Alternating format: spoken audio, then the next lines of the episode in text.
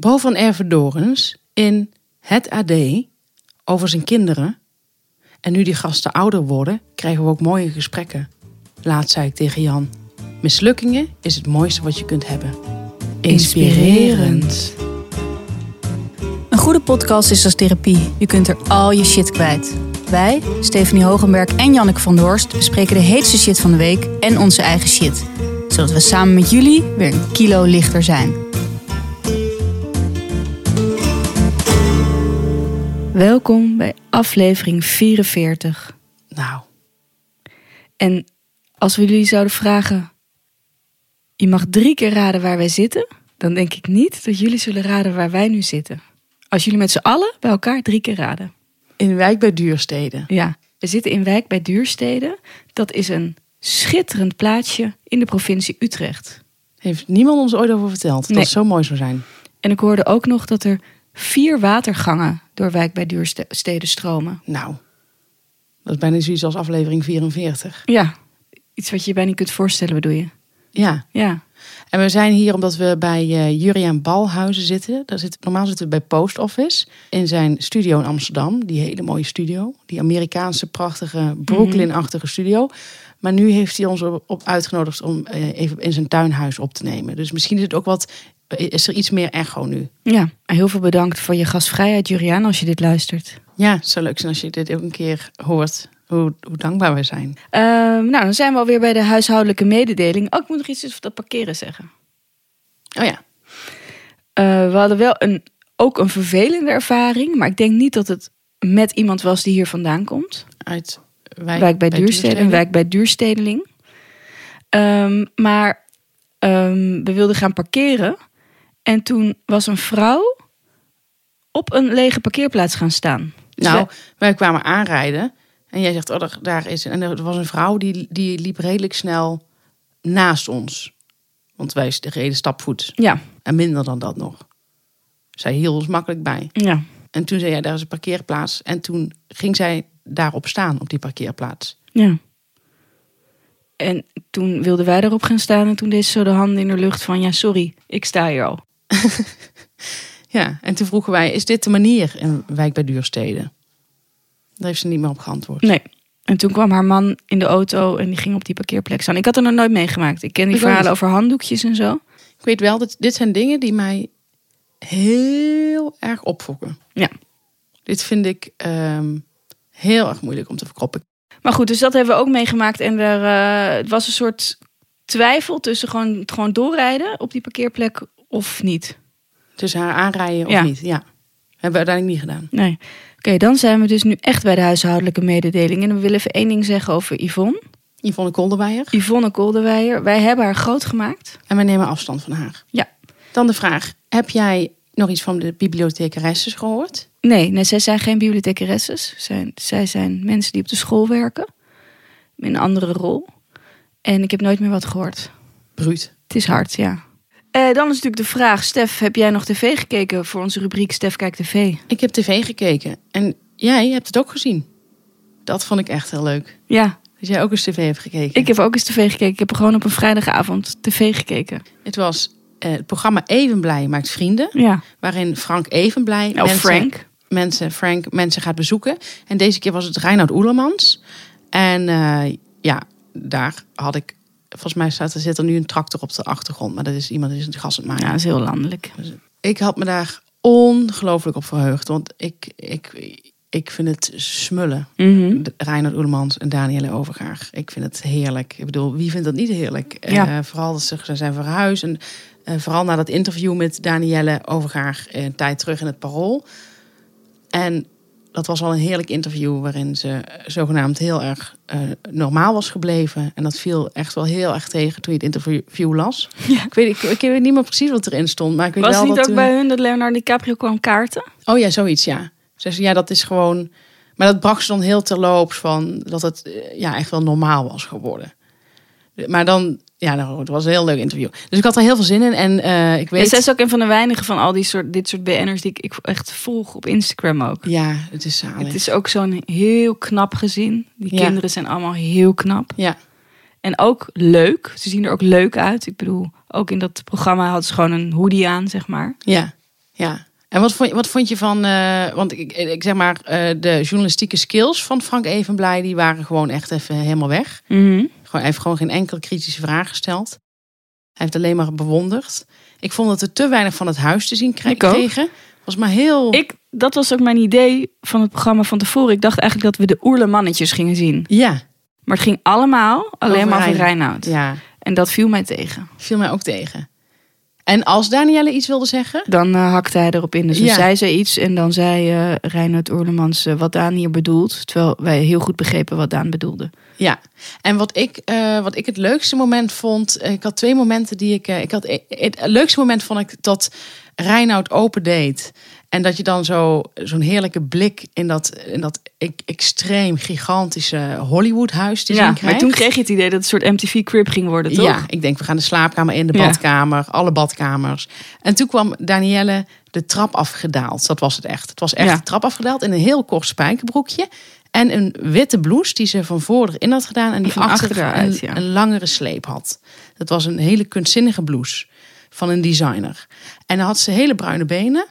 En het leukste vond ik dat ze die trap kwam afgelopen alsof ze, och ja, dat was ook zo wel een afspraak met Frank Evenblij.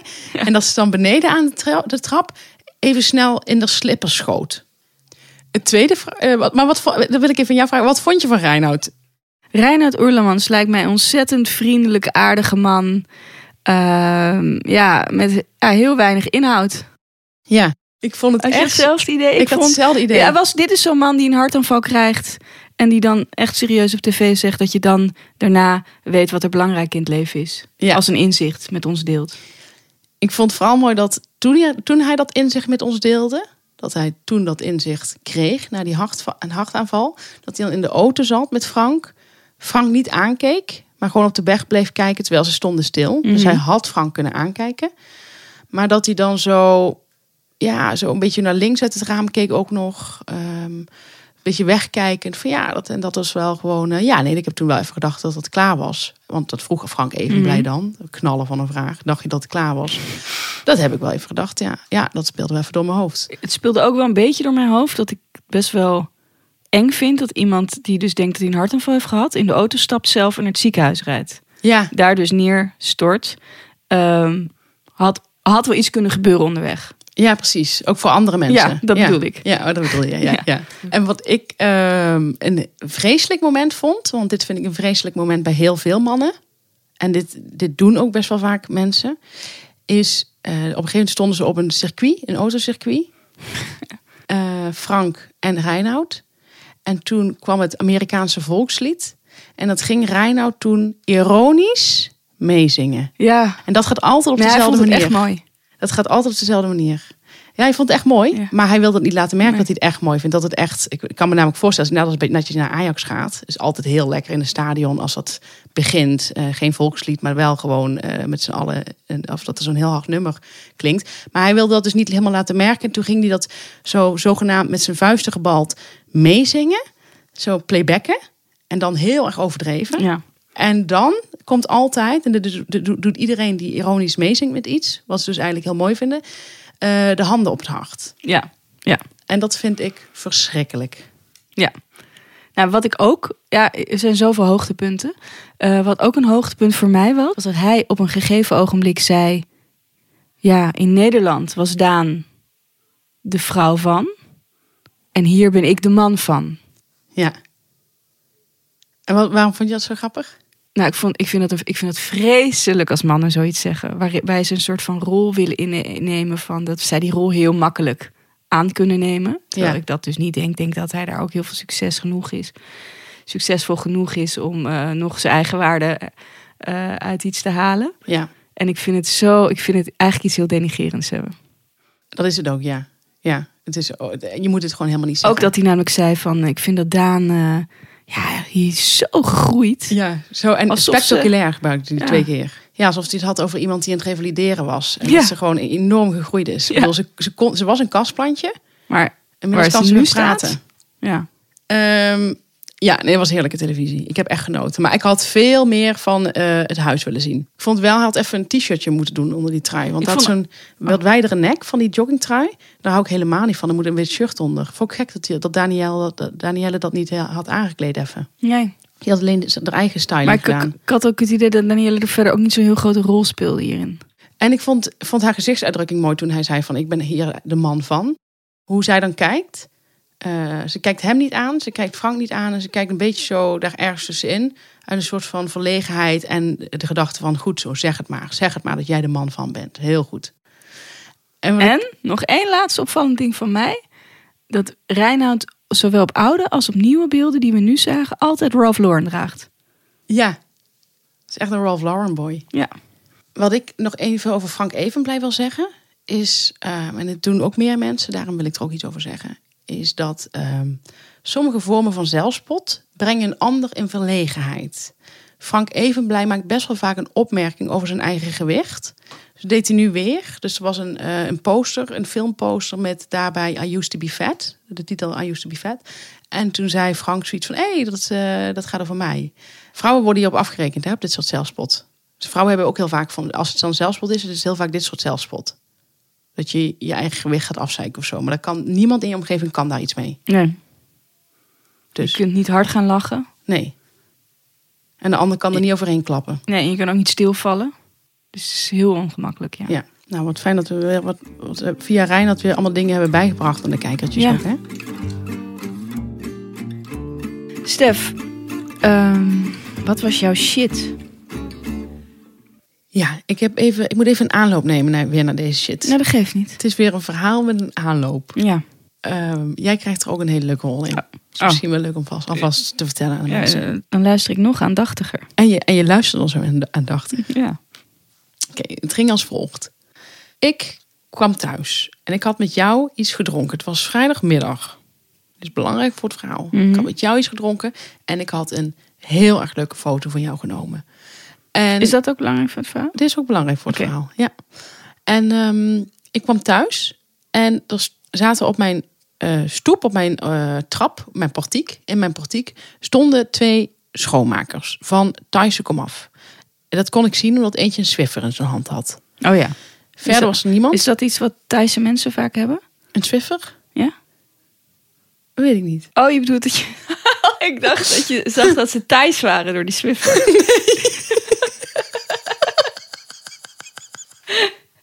dus ik dacht, er komt nu iets heel Thais. Oh, dat is, zo zei ik het. Omdat zag ik omdat ze een Swiffer... Ik bedoel dus dat ze schoonmakers Ja. waren. Ja. Sorry, sorry dat ik je onderbrak. Jij ziet die Thaise schoonmakers met die Swiffer. Precies. Ik zeg tegen hun, dus want ze waren aan het wachten. Een man en een vrouw, ze waren duidelijk aan het wachten. Dus ik zeg, moeten jullie bij mij naar binnen? Dus ik wees naar mijn deur. En toen zeiden ze iets een beetje in een heel moeilijk Engels terug. Dus Mhm. zeg maar, ze spraken niet goed Engels ook. En toen wezen ze op die andere deur. En toen zei ik, oké, nou goed. Dus eh, ik zou succes. Dus ik deed een beetje zo vriendelijk. Nou, de deur is stak je je duim op. ik stak mijn duim op, inderdaad. Ja, ik deed dat zomaar. Dat moet ik vertellen in de podcast. Ik stak mijn duim op. Nou, toen ging ik naar binnen. Ik kom boven en ik vind mijn telefoon nergens meer. Gewoon helemaal nergens meer. Ik heb wel nog web WhatsApp. En nu zegt, ze- zeggen mensen, ja, maar web WhatsApp werkt alleen als je telefoon in de buurt is. Dat is niet zo. Web WhatsApp, dat is dus voor mijn moeder, dat is WhatsApp op eh, internet. Op, Dat- je, op je computer. Op een computer. Dat werkt ook tegenwoordig als je telefoon uit de buurt is. Dus goed, ik ging op web WhatsApp en eh, ik zeg tegen jou, ik zeg, eh, wat, ik zeg heel vreemd, ik zeg, ik ben mijn telefoon kwijt. Ik heb echt overal in huis gezocht. Toen, dit wordt een beetje misschien, er worden heel veel prikkels misschien voor de kijkertjes. Mhm. Toen heb ik eh, mijn vriend gebeld. Dus misschien wel goed om te vertellen dat ik een vriend heb. Ja, ja. We, we hebben er wel discussies over gehad of dat goed was voor de show. Ja, maar ik kan het niet langer verbergen. Ehm, en ik dacht, ik maak het even podcast official. Ja, ik wist het al. Jij wist het al. Speelde al een tijd. Misschien komt hij ook een keer in de shitshow met de irritatie. Het is niet dat ik hem heb willen sparen of zo. Nee. Nee, maar wij, het was eigenlijk kwam het een beetje van mij, hè? Je- Ik mocht het niet zeggen van jou. Nee, ik dacht, nou ja, je hoort wel eens bij boybands dat het gewoon beter is voor de fans als, iemand, als ze vrijgezel zijn. Ja. Oké, Ik heb toen mijn vriend via web WhatsApp benaderd en gezegd: Ik ben mijn telefoon kwijt. Hij zei: Ik kom zo wel even langs uh, uit werk en dan kom ik even zoeken. Ja, dat is dus de vriend van Stef ook. Ja, die gelooft dat niet. Dus hoe bedoel je oh, dat? Ik bedoel meer, wie doet het nou? Oh, zo, ja, dit, dit is heel aardig. Is echt heel lief. Ja, is heel lief, ja. ja. Ik gebruik het woord aardig omdat ik lief nog wat klef vind. Ja, maar ik mag het wel zeggen. Jij mag het wel zeggen. Ik vond het ook, ik vond het ook heel bijzonder. Hij kwam, hij kwam langs. Hij eh, ging op de badkamer zoeken. Alle plekken die ik ook had gedaan, ging hij nog eens nalopen. En toen eh, kwam hij ook tot de conclusie dat mijn telefoon weg is. Hij is ook nog buiten gaan zoeken. Want hij dacht, heeft ze misschien in een fietskast laten liggen. Of ik zag hem, op een gegeven moment zag ik hem ook nog, had hij afscheid genomen. Zei, nou, ik, eh, ik ga thuis even. En, uh, hij, had, hij had een nieuwe voor mij, een oude van hem uh, meegenomen ook nog meteen. En geïnstalleerd. Ook heel erg aardig. Ja. En uh, toen zag ik hem weglopen buiten. zeg maar, naar, ging, zag ik hem naar huis gaan. En toen dacht ik, wat, wat duurt het lang voordat hij in de auto stapt. En toen zag ik dat hij nog helemaal buiten aan het zoeken was bij de stoep en zo. dus heel, erg, heel erg bijzonder. Maar hij, goed, hij kwam dus ook tot de conclusie, hij is onvindbaar, die telefoon. Mhm. Het lag niet aan mij. Ik moet eerlijk zeggen, ik dacht, de enige personen... Want ik weet ook nog dat ik de telefoon had thuis toen ik aankwam met mijn fiets. Dat is een belangrijk detail. Omdat ik AirPods in had. En ik was muziek aan het luisteren. En toen ik mijn fiets tegen de muur beneden bij mijn huis zette... weet ik nog dat die uh, muziek begon te haperen. Dus ik dacht, oh, hij gaat nu over op de wifi. Dus daardoor wist ik dat ik hem nog tot thuis had gehad, de telefoon. En toen, ja, moet ik dus heel eerlijk zeggen... en hier wordt het verhaal een beetje uh, spannend. Maar toen dacht ik, de enige personen langs wie ik gelopen ben naar boven... zijn die schoonmakers. Ja. En um, dan wil ik ook meteen even duidelijk maken. Er zitten ook heel vaak uh, blonde jongens bij ons te blowen op, in dat portiek. Die laten allemaal troep achter. Uh, sowieso altijd een roggel. Uh, allemaal uh, vieze dingetjes van een joint en zo. Ze, ze ruimen het nooit op. Ook al heb je gevraagd van... Ik vind niet erg dat je hier zit, maar wil je straks wel gewoon alles meenemen? Ja, ja, doen ze altijd, doen ze nooit. Dus als zij er hadden gezeten, had ik ook gedacht dat zij het hadden meegenomen. Ja, dat, zij, dat ik met... dacht niet aan de haarkleur. Precies. Het was, ik dacht van, ik ben met mijn tas langsgelopen op een bepaalde manier. En misschien hebben zij gedacht ja, van... zijn de enigen die hem tussen fiets en de deur ja. gerold kunnen hebben. En ik heb hem altijd best wel slordig, een beetje zo. Weet je wel, dat doe ik dan in mijn tas. En, maar dan ligt dan een trui in, dus dan ligt hij op die trui. Dus ik dacht, misschien hebben ze gewoon een heel makkelijke kans gezien. Ja. Ik heb mijn moed verzameld en ik dacht, ik ga even bij de buurvrouw aanbellen. En uh, toen waren die schoonmakers al weg. En toen dacht ik, ik ga even bij haar aanbellen en dan ga ik vragen of zij uh, het nummer heeft van die schoonmakers om te vragen aan, he, aan hen of zij misschien iets hebben gezien. Dus ik belde aan en ze zegt ja. Ik zeg hoi, ik zeg met de buurvrouw. Ik zeg ik heb even een vraag. Zou je misschien even naar beneden kunnen komen? Uh, nou, nee, dat komt echt heel slecht uit, want ik zit echt midden in een verbouwing. Dus uh, wat is je precies je vraag? Ik zeg nou, ik zeg wil ik liever niet zo door de speaker vragen. Ik zeg kan ik dan even naar boven komen? Was vier hoog. Ze zei ja, kom maar even naar boven. Al vrij bot. Ik kom eraan op vier hoog, was best wel buiten adem.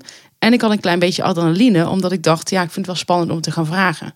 Dus ik zeg tegen haar, nou, heel vervelend. Ik zeg, kom thuis. Ik heb hem thuis nog gehad met mijn AirPods. Ik hoorde nog dat die muziek ging haperen. Ik zeg, en uh, nu vroeg ik me af of jij misschien het nummer van jouw schoonmakers hebt. Ze zegt, ja, het zijn niet mijn schoonmakers, want uh, ze hebben alleen de trap even gedaan uh, vandaag, omdat ik een, verbouwing heb. En toen zei ik, ah, oké. Ik zeg, maar heb je wel hun nummer? Ja, dat wel. En toen zei ze, nou, ik vind het nogal wat om mensen zomaar te gaan beschuldigen. En terwijl ze dat zei, liep ze weg om haar telefoon te pakken. En toen kwam ze terug met de telefoon. En terwijl ze dingen opzocht, zei ik: Nou, ik zeg, ik was niet echt van plan om ze te beschuldigen. Ik zeg, ik wilde gewoon, ik zeg, ik wil het gewoon even vragen, een open vraag: van hebben ze misschien iets gezien? En ik wist natuurlijk ook helemaal niet hoe ik dat ging aanpakken. En toen kwam ze terug, zei ze, ja, mijn telefoon doet het niet. Kijk maar, ga je aan het haperen. En uh, ja, sorry, ik, ja, je moet het even bij twee hoog gaan vragen. Want uh, dat is hun vaste schoonmaker. En ik heb gewoon nu echt hier helemaal geen tijd voor. En toen deed ze de deur dicht. Echt een heel bot type. Nou goed, toen ben ik naar twee hoog gegaan, gelopen. Klopte ik daar op de deur. Die deden niet open. En toen zei zij, ik zei twee hoog, schreeuwde ze uit de deur. toen ben ik, keek ik nog van, ben ik niet helemaal goed? Kan ik niet goed tellen? Toen ben ik één naar boven gelopen. Heb ik daar op de deur geklopt. Die deden ook gelukkig niet open. Toen ben ik nog buiten gaan kijken of ik wel kon tellen. En of ik op de tweede ja, verdieping stond. Dat stond ik gewoon op. Je ging even controleren of je net zoals bij... Als je je blouse dichtknoopt. Of je wel onderaan ja. bij de knoopjes bent begonnen. Zo ben ik, zo ben ik gaan kijken. Ja. Zo ben ik gaan tellen. Ja. Nou, toen bleek dat ik het gewoon goed had, maar die man was gewoon niet thuis.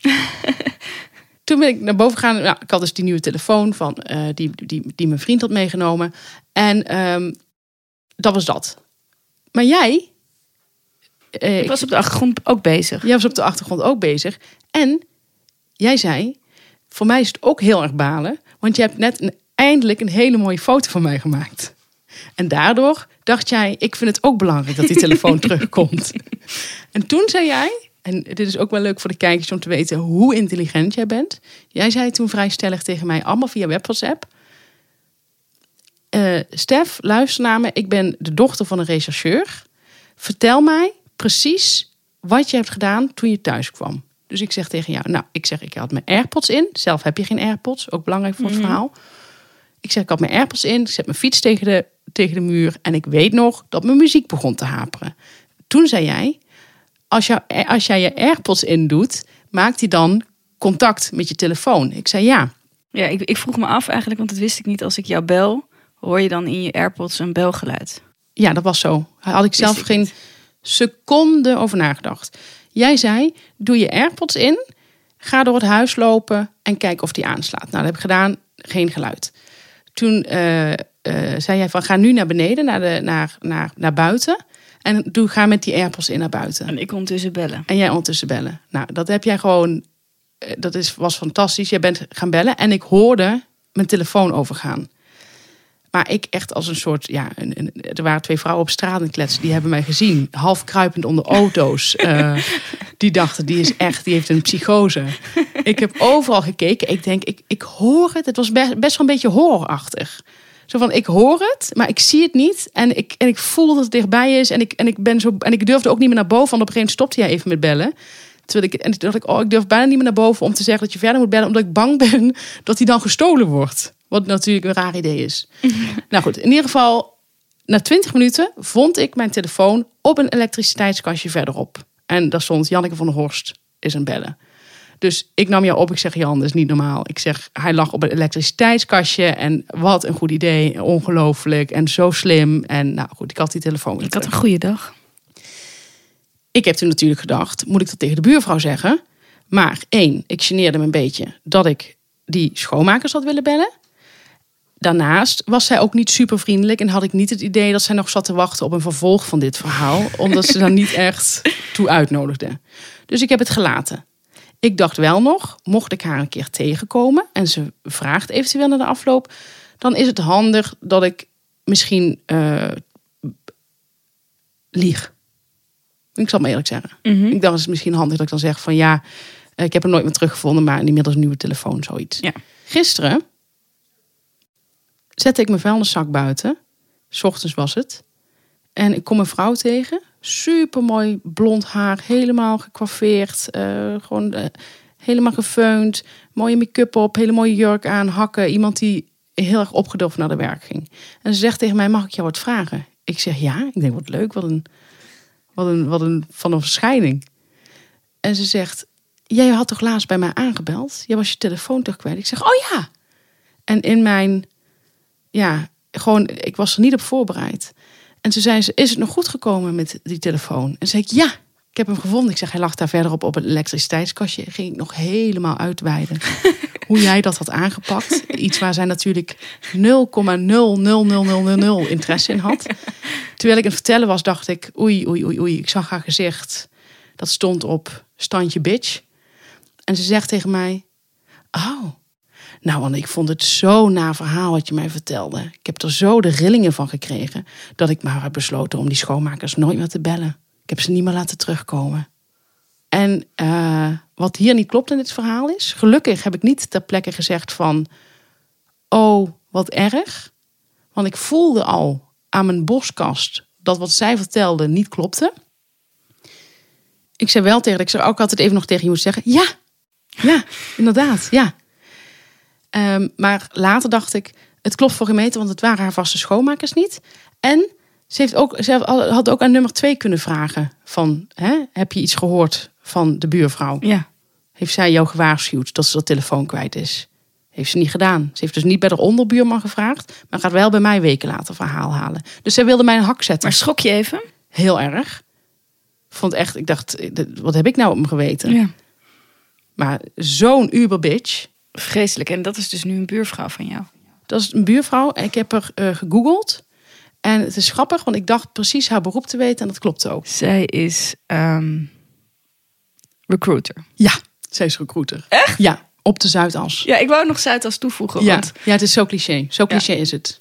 Nou, dat is heel, heel akelig. Ik ben eh, vorig jaar eh, voor quote op een eh, zeilweek geweest. Nou, dat was een beetje soortgelijk. Dit soort types. ja, Heel akelig. ja, wat dat betreft denk ik altijd maar... willen we wel vrouwen? Aan de macht. Ja. ja ik, ik zeg al jaren nee. Wat was jouw shit? Ja, mijn shit, het is denk ik niet te vergelijken met jouw shit. Ik zit toch meer in de huistuin- en keuken shit. Zeker deze eerste weken van het schooljaar. Eh, moet ik zelf heel erg wennen dat ik nu twee kinderen op school heb. Heel nieuw ritme. Ehm, ja, het is, het, is, het is ontzettend lastig om het allemaal bij te houden. Ja. Wat er gebeurde was... Ik moest dus woensdagavond, terwijl Ajax tegen de Rangers speelde vorige week... in de Champions League, Ja. naar een ouderavond. En dit gebeurt heel vaak. Dit soort dingen. En voor mensen die niet van voetbal houden... eh, en dat zal denk ik van onze kijkertjes misschien eh, 50-50 zijn. Wel niet. Ehm, is dat misschien moeilijk te begrijpen. Dat je denkt, moeten we dan onze hele planning op de voetbalplanning aanpassen? En dan denk ik, ja, Ja. dat moet ja. Want ja, ik begrijp niet waarom dit soort dingen altijd op een woensdag worden gepland. Er is een soort, soort magisch iets aan de woensdag. Dat ze op scholen denken, weet je wat, als we s'avonds iets hebben, doen we het op woensdag of donderdag. En heb donderdag maakt mensen voor uit, dus Europa League. Ajax speelt al jaren geen Europa League meer. Dus dat is voor PSV-fans en zo vervelend. Maar dinsdag en woensdag ga je gewoon niet iets, iets op school doen. Dus ik zit daar in het lokaal. Gelukkig had ik nog de, de, de, de eerste twee doelpunten gezien. En dan moet ik een verhaal aanhoren over puntenslijpers die zijn besteld. Maar die nog niet binnen zijn, want ze hadden maar één binnen. En die was heel duur, want ze dacht dat ze er daarvoor 30 kreeg. En of iedereen nu zijn eigen puntenslijper mee wil nemen. Nou, dan vraag je ook een hele hoop hoor van de ouders, vind ik. Vind ik wel, want ik moest ook nog een markeerstift meenemen. Ook nog. Dus ik ben voor de herwaardering van de maandag. Borrels op maandag, eh, boekpresentaties op maandag, schoolavonden op maandag, huwelijken maandagavond. Ja. Daar ben ik gewoon een voorstander van. ja, dat vind ik een heel verfrissend idee. En, en ja, ik sta erachter. Ik sta achter jou sowieso. Hm, dat vind ik heel fijn. Ook omdat je me zo goed hebt geholpen met die AirPods. Ja, zo doe je wat voor elkaar. Ja. En dan zijn we weer bij onze favoriete rubriek van de week. En dat is Het mannetje van de shitshow. En deze week is het mannetje van de shitshow uiteraard... Tafkal. The artist formerly known as Lama's. Ja, en wat ik zo leuk vind aan Tafkal is dat ze zo'n originele naam hebben gekozen. Ze zijn zo origineel. Zij spatten bijna uit elkaar van originaliteit. Ja, Heel veel artiesten die zijn op een gegeven moment op. Het wordt eh schmieren. Maar bij- bij, de lama's, Het Tafkal, het gaat maar door. het gaat maar door. Het En- lijkt een soort onuitputtelijke bron van, van humor. ja, als ik ergens trots op ben in Nederland, dan is het echt Tafkal. Ik ook. En daarom vind ik het ook zo ontzettend jammer dat ze zo slecht Engels praten. Ja.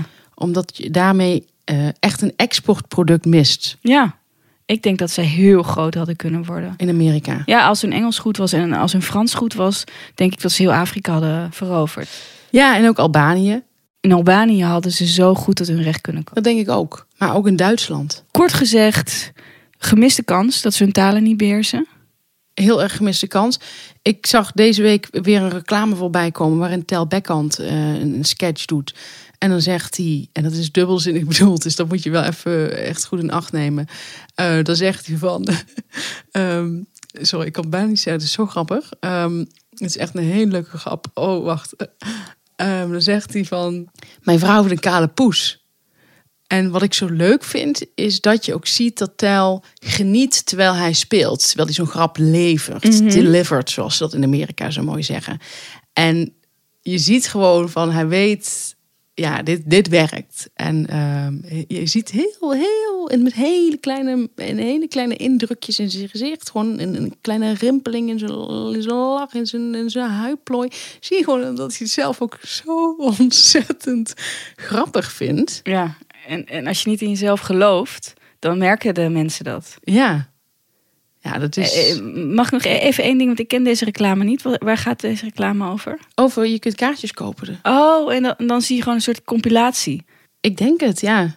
Wat leuk. Ja, ja, het is waanzinnig. Ik gebruik dat woord niet snel, maar dit is waanzinnig. Mag ik nog één ding zeggen wat ik zo goed aan ze vind? Alsjeblieft zeg. Dat ze zo weinig nodig hebben. Ze hebben gewoon een toneel en ze hebben elkaar. En ze gebruiken hun lichaam. En ze gebruiken hun lichaam en gebaren.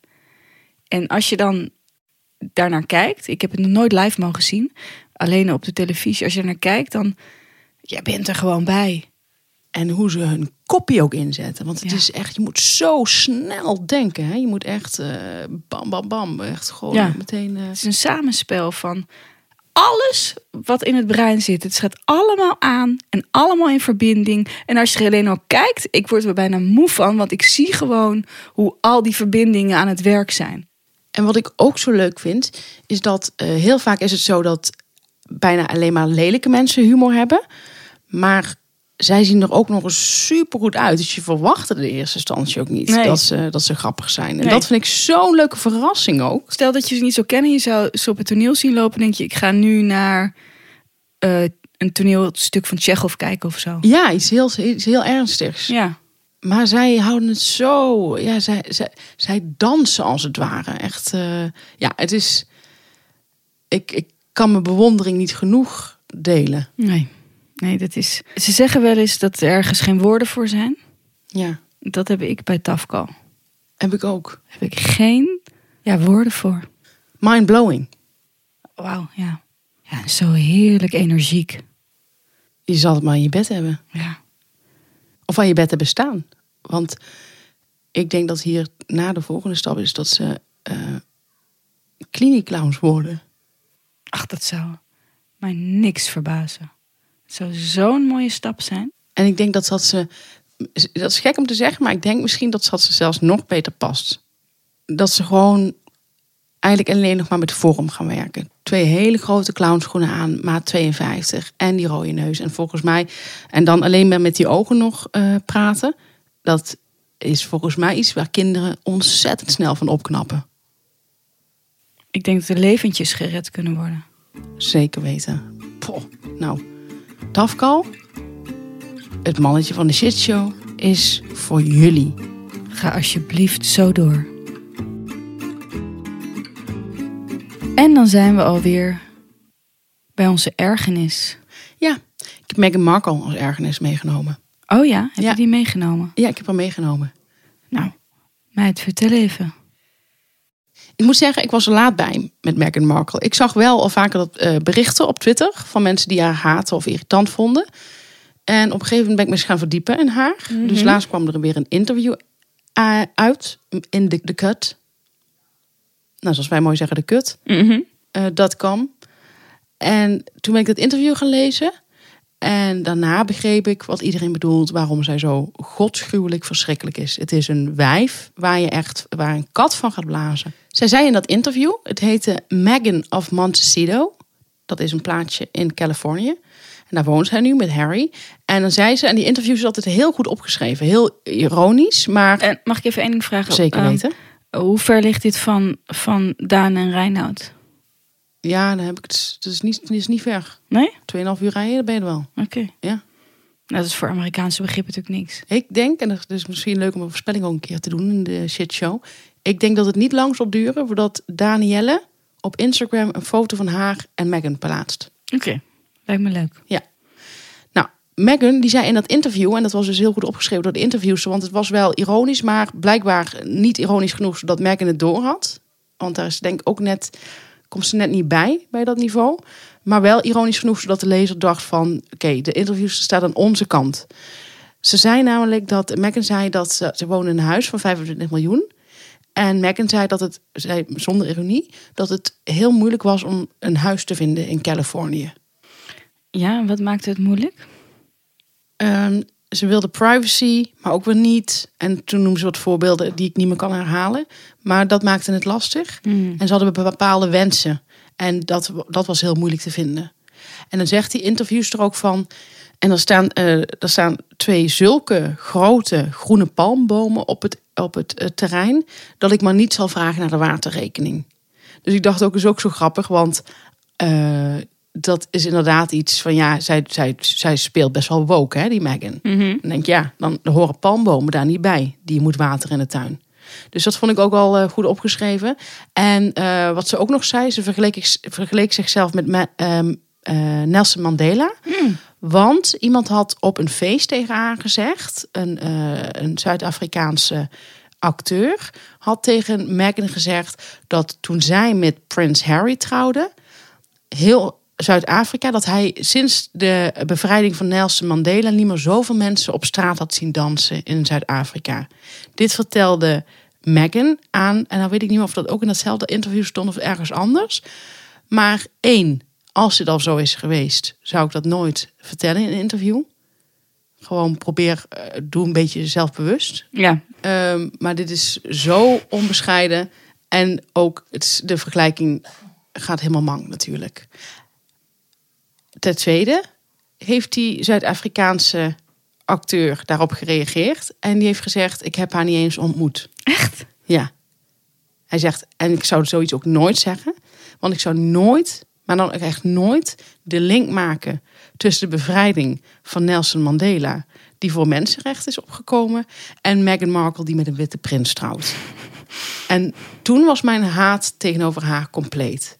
Ik vind haar verschrikkelijk. Ze was nu ook weer in de openbaarheid in het zwart, omdat ze hè, naar eh, de, de, de begrafenis van, eh, van eh, hoe heet ze, dingetje, Queen Elizabeth. Queen Elizabeth ging. En dat is ook weer zoiets stoms. Toen zei ze van. toen was ze met Kate. Zij loopt dan hand in hand met, met Harry.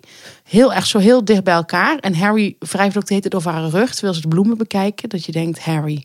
Die vond ik ook heel lang heel leuk. Maar waarom zou je over haar rug gaan zitten wrijven? Het is ook niet haar verdriet. Zal haar waarschijnlijk worst wezen. En eh, Kate en William, die ik ervan denk dat ze een heel leuke relatie hebben, die liepen gewoon los van elkaar. Ook best wel een be- beetje uit elkaar. Eh, maar ik vond het juist veel zelfverzekerder overkomen. Dat zij dat niet nodig hebben om daar hand in hand toe te treden naar die bloemenzee. En op een gegeven moment is er zo'n scène waarin, of nou niet de scène, maar is gewoon heeft iemand gefilmd. Dan zie je Kate en William en die zwaaien naar publiek. En Harry en Meghan gaan dan ook naar het publiek zwaaien. Maar Meghan, die heeft haar haar, die zit, dat zit gewoon prima. Maar dat gaat ze dan nog even snel, omdat ze ziet dat er een camera draait. Gaat ze dat haar even snel aan één kant over haar schouder kantelen. En dan zwaaien. Dat ziet er werkelijk zo achterlijk idioot uit. Dat je je haar nog even... En dus waarom zou je haar naar één kant gaan zwenken? Zo debiel? Nee, ik mag er niet meer. Mijn steun Ik merk ze het, ja. meer. Ik merk het, ja. En wat vindt je moeder ervan? Nou, en ik was dus ook zo laat met deze ergernis, omdat mijn moeder vond Meghan en Harry een heel leuk stel. Dat zei ze in het begin. Zei ze, ach, ik vind ze zo leuk. Ik zeg, wat vind jij ervan? En zei ze, ach, ik vind ze zo leuk. En dat baseerde ze dan op gewoon dat ze lief waren. En, en ze vond Meghan heel leuk gekleed. Dat moet ik eerlijk zeggen, dat vond ik ook in het begin. En eh, had ze een spijkerbroek aan met zo'n witte blouse. Nou, heel erg, eh, heel erg wild voor het Koningshuis. Want ik vind dat Kate wel altijd een klein beetje, net iets te degelijk eh, de deur uitgaat. Maar ehm, ik, ik weet dus nog niet, ik weet niet of mijn moeder zover is al in dit proces. Maar anders bij deze, denk ik. Want ze neemt voor mij ook snel meningen over. Oké. Want het gaat heen en weer. Dat gaat heen en weer, ja. Ja, mooi. Mooie moeder-dochterrelatie. Oh, absoluut. Wat doet deze ergernis met jou? Wat betekent het in je dagelijks leven? Nou, dat is best wel vervelend. Dat is, leuk. dat is goed dat je, dat je even doorvraagt. Eh, anders blijft het allemaal aan de oppervlakte. Maar wat het met mij doet, is dat als ik dit soort dingen hoor over haar, dus zoiets als eh, zichzelf met Nelson Mandela vergelijken, ja, krijg ik toch zin om dat persoonlijk aan haar te gaan vertellen hoe achterlijk dat is. Maar dat is vervelend, want ik denk niet dat ik snel in de gelegenheid ga zijn om haar persoonlijk te ontmoeten. Ik ben de komende tijd hartstikke druk. En dan denk ik van, iemand moet haar dat vertellen, dat dat niet klopt. En Ja. tot die tijd krijg ik mijn ergernis niet echt gekanaliseerd. Dus dat kropt zich bij me op en ik word er dus eh, vrij gepassioneerd kwaad over. Ja, ik heb vaak het idee hoor dat heel veel mensen niet de juiste personen om zich heen hebben verzameld. Die is gewoon precies vertellen hoe het zit. Ja. Dat ze dat soort onzin niet moeten uitkramen. Ja, ik heb een obsessie met Kate en William op Ja? dit moment. Het is ziek verschrikkelijk, durf ik wel te zeggen. Ik hoop dat die snel overgaat. Heb je er last van? Nou, nee, eigenlijk niet. Dus alleen als je mijn Instagram-pagina opent, dan zie je echt alleen maar Kate Middleton. Nou, laat het even lekker. Oké. Komt wel weer een nieuwe obsessie. Oké. Wat was jouw ergernis? Mijn ergernis is iets, eh, ja, eh, we, hadden het, we hebben het wel eens over stellen. We hebben het wel eens over dingen wat we vervelend vinden aan stellen, zoals Stelletjes. stelletjes. Ja. Dat ze bijvoorbeeld aan elkaar gaan, dat je zegt, zullen we vrijdag wat afspreken? En dat diegene dan zegt, even met mijn vrouw of mijn man overleggen, bijvoorbeeld. Even een voorbeeldje. Maar ik heb, ik heb nog wel een ergernis. En ehm, dat is de ergernis van die mensen. ehm, het kunnen zowel mannen als vrouwen zijn in een relatie.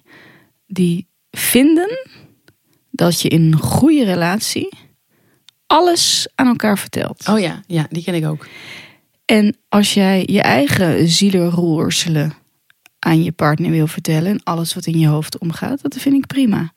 Maar dat ze dus ook de dingen die jij aan hen vertelt, ook met hun partner delen. Ja. Dus je hebt een persoonlijke relatie met persoon A, die heeft een relatie met persoon B. En je weet gewoon, als ik iets aan persoon A vertel, vertelt die het aan persoon B. Ehm, daar heb ik geen relatie mee met persoon B. Die hoeft niet alles van mij te weten. En ik vind het werkelijk idioot. En hoe kom je erachter dat het zo is? Vertelt die vrouw dat dan zelf? Ja, dan vertellen ze bijvoorbeeld, nou, eh, mijn man zei dit en dit over wat jij vertelde. Ik zeg, waarom vertel je dat? Ja, ja, we wonen samen. Ik kan het toch niet allemaal eh, achterhouden waar, waar wij over hebben. Maar is dat dan iets wat jij eh, hebt verteld? Iets echt iets intiems. En waarvan je ervan uitgaat dat je er niet bij hoeft te zeggen. Dat moet je niet verder vertellen. precies. Ik vind eigenlijk met heel veel verhalen die enigszins intiem zijn, dat je wel kan verwachten dat de ander dat niet aan iemand anders vertelt. Maar het gaat ook over vri- andere vrienden waarvan ik weet dat ze dat. Dan hoor ik dus via die man, hoor ik een verhaal van een andere vriendin. Oh ja. Ik denk dat dat toch vaak gebrek is aan, eh, gebrek is aan een leuk gesprek met je partner. Dat ze dan dat van anderen gaan bespreken. Dat is sowieso, hè, zeg maar. Het is altijd makkelijk om anderen erbij te halen. Ik heb dat wel eens met eh, vriendschappen. Die zijn dan op een gegeven moment een beetje aan het eind. En dan merk ik dat aan, eh, omdat we alleen nog maar anderen bespreken. Dat zeg van, hoe gaat het met die, hoe gaat het met die? Vind ik echt helemaal niet interessant. Vind ik heel even interessant, voor vijf minuten, maar niet. En dat is met stellen denk ik ook. Die zijn, hebben dan elkaar niet super te veel, te vertellen en dan gaan ze geheimen doorvertellen. Ja, maar stel nou bijvoorbeeld. Dat Het gaat, en het, als het uitgaat met die persoon, Ja, tussen die mensen. loopt die met jouw geheimen weg. Precies, loopt die met jouw geheim weg. Of, dat is echt, of niet eens geheimen, maar bijvoorbeeld dat je gewoon iets hebt wat je gewoon niet wil dat iedereen weet. Nee. Nee. Ik ken één iemand die ervoor uitkomt dat ze alles aan de man vertelt. Zeg, je weet wel, als ik al- iets ga vertellen aan haar, ze weet wel dat ik het aan hem vertel. Dat vind ik wel eerlijk van haar. Ja, het is wel eerlijk. Maar het is ook een soort van. Het zijn vaak mensen die of niet echt weten hoe relaties werken. Die denken dat is een relatie. Ja. Of het zijn mensen die zo proberen seks te vermijden. Ja, die seks van mij, dat zijn erg. Ja. Ja, die ken ik. Dus dat het Nou, ik sta vierkant achter je. alweer. Ja. Ik heb echt jou geholpen hè, met die telefoon. Ja. Ik zie een hele andere Stephanie. Ja. Hoe je je naar mij verhoudt. Fijn. Ja, dan zijn we alweer bij onze warme boodschap. Ja, ik had als warme boodschap beloofd om een eh, tennisboekje mee te nemen. Ik, nu denken heel veel mensen, oh, dat is echt helemaal niet interessant voor mij. Nou, eigenlijk klopt dat ook wel een beetje, denk ik. Voor een deel.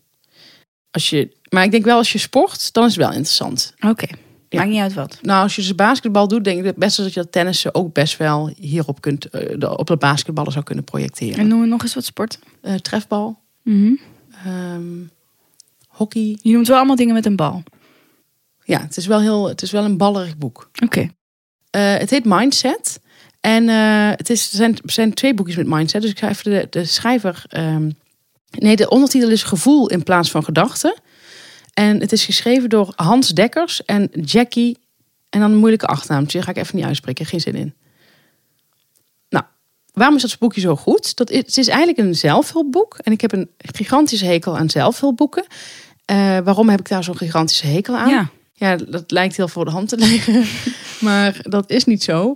Want die zelfhulpboeken, die eh, zijn heel lekker om te lezen. Daar heb ik ervaring mee. Ik heb ook wel eens een periode gehad waarin ik een zelfhulpboek ging lezen. Je bent er zo doorheen. De meeste mensen denken dan, ik heb een boek gelezen. Oh ja. Dus, eh, dus, en, en het las zo makkelijk. En vaak is het zo dat het eh, helemaal niet beklijft. Alles wat erin staat, je denkt, oh ja, dat is, oh, dit is zo waar. Dat is een koe. Oh, wat is het waar. Oh, wat is het goed. Maar de, twee dagen later, nou, dan weet je niks meer van het boek. Omdat het gewoon natuurlijk eh fastfood is. Dit boek, Mindset, is heel leuk. Het gaat over tennis. En je hebt, eh, wat zij proberen te doen in het boek, is, is van, van een verhaaldenker een actiedenker te maken. En ik heb een tijd lang, toen ik begon met tennis, toen ging ik tenniswedstrijden spelen. En die verloor ik altijd. Gewoon altijd.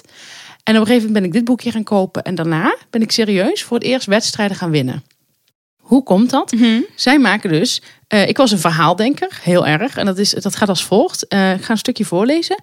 En dan zie je hoe een actiedenker moet denken. En dan aan het eind van het hoofdstuk doen ze altijd ook een voorbeeld naar het echte leven. Hoe je ook in het echte leven van een verhaaldenker Buitensport.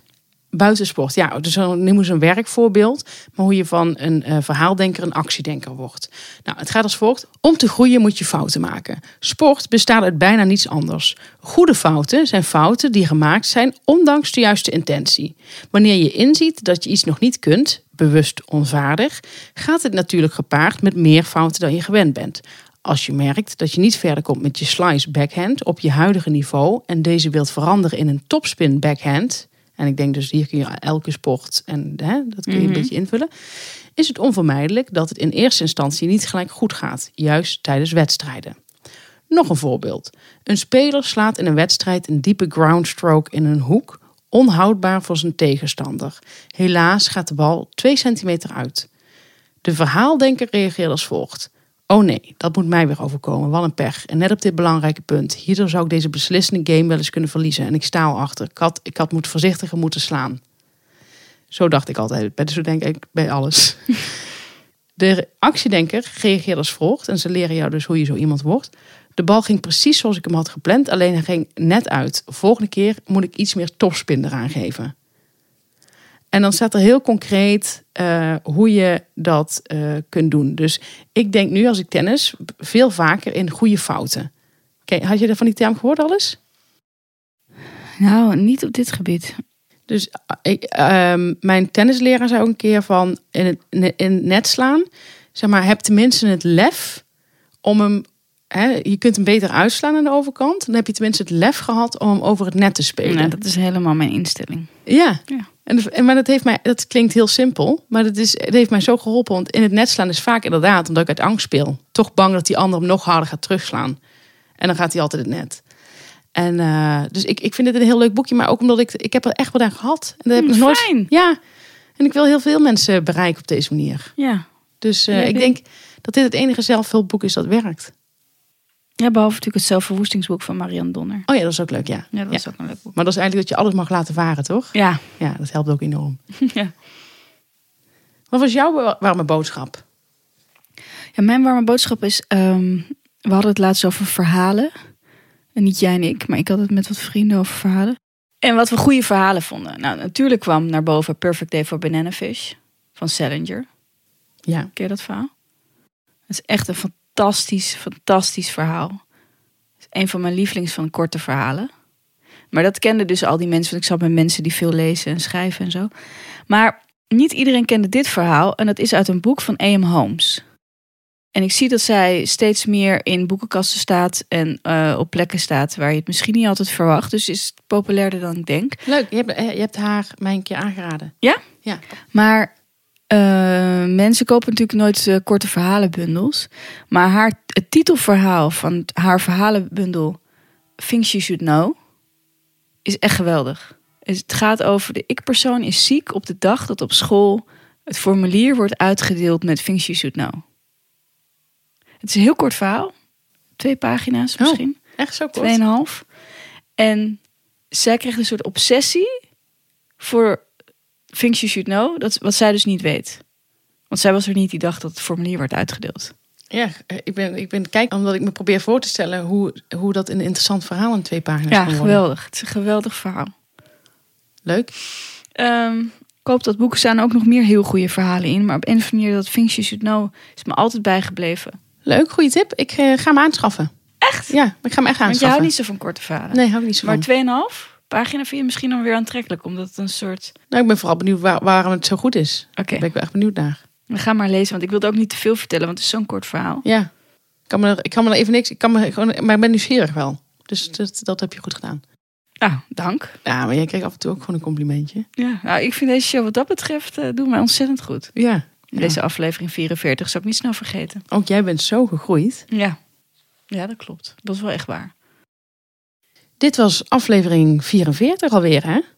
Sprakeloos of niet? Ik, ja, ik ben sprakeloos. Ik, ik weet, ja, het klinkt misschien even heel emotioneel. Maar ik weet gewoon waar we vandaan kwamen. Ja, van aflevering 1. Ja. En aflevering min 4 hebben we ook nog gehad. Ja, met die ene man bij jou uit het dorp... die het eh, niet sterk genoeg vond om eh, naar buiten te brengen. Ja. En ehm, ja, als je dan zo'n... Ja, ik, ik, ik, ik herken dat heel erg in Reinhard Oerlemans. Als je zo'n weg hebt afgelegd. En Ja. het helemaal zelf hebt gedaan. Ja, Wat wij natuurlijk ook helemaal... We hebben het helemaal zelf gedaan uiteindelijk. We zijn helemaal zelfstandig. ja, We zijn helemaal los van alle ja, grote mediabedrijven in Nederland. geen Joop van de Ende te bekennen. Nergens. Ja, ik weet, ik vind gewoon even iets om even bij stil te staan. Ja. Ik vind dat we dat te weinig doen eigenlijk. Dus dat we stilstaan bij ja, hoe wij dit eigenlijk aanpakken. En dat we dus zelfstandig Ja, zijn. en eh, het is inderdaad goed dat je het aankaart, want we zijn vaak aan het opscheppen tegen anderen. En dan schamen we ons vervolgens heel erg, omdat we dan net iets te veel ehm, complimenten hebben herhaald tegen Ja. anderen. Maar eh, misschien wel even goed om uit te leggen hoe dat komt. Dat is omdat die complimenten heel vaak eh, in de DM's komen van bijvoorbeeld bekende Nederlanders. En dan, en dan moet je daar dus maar steeds, zeg maar, dan moet je maar steeds in stilte incasseren. Ja. En ja, op een gegeven moment zit je wel een beetje met een tijdbom. Ja, het, het, het- het tikt.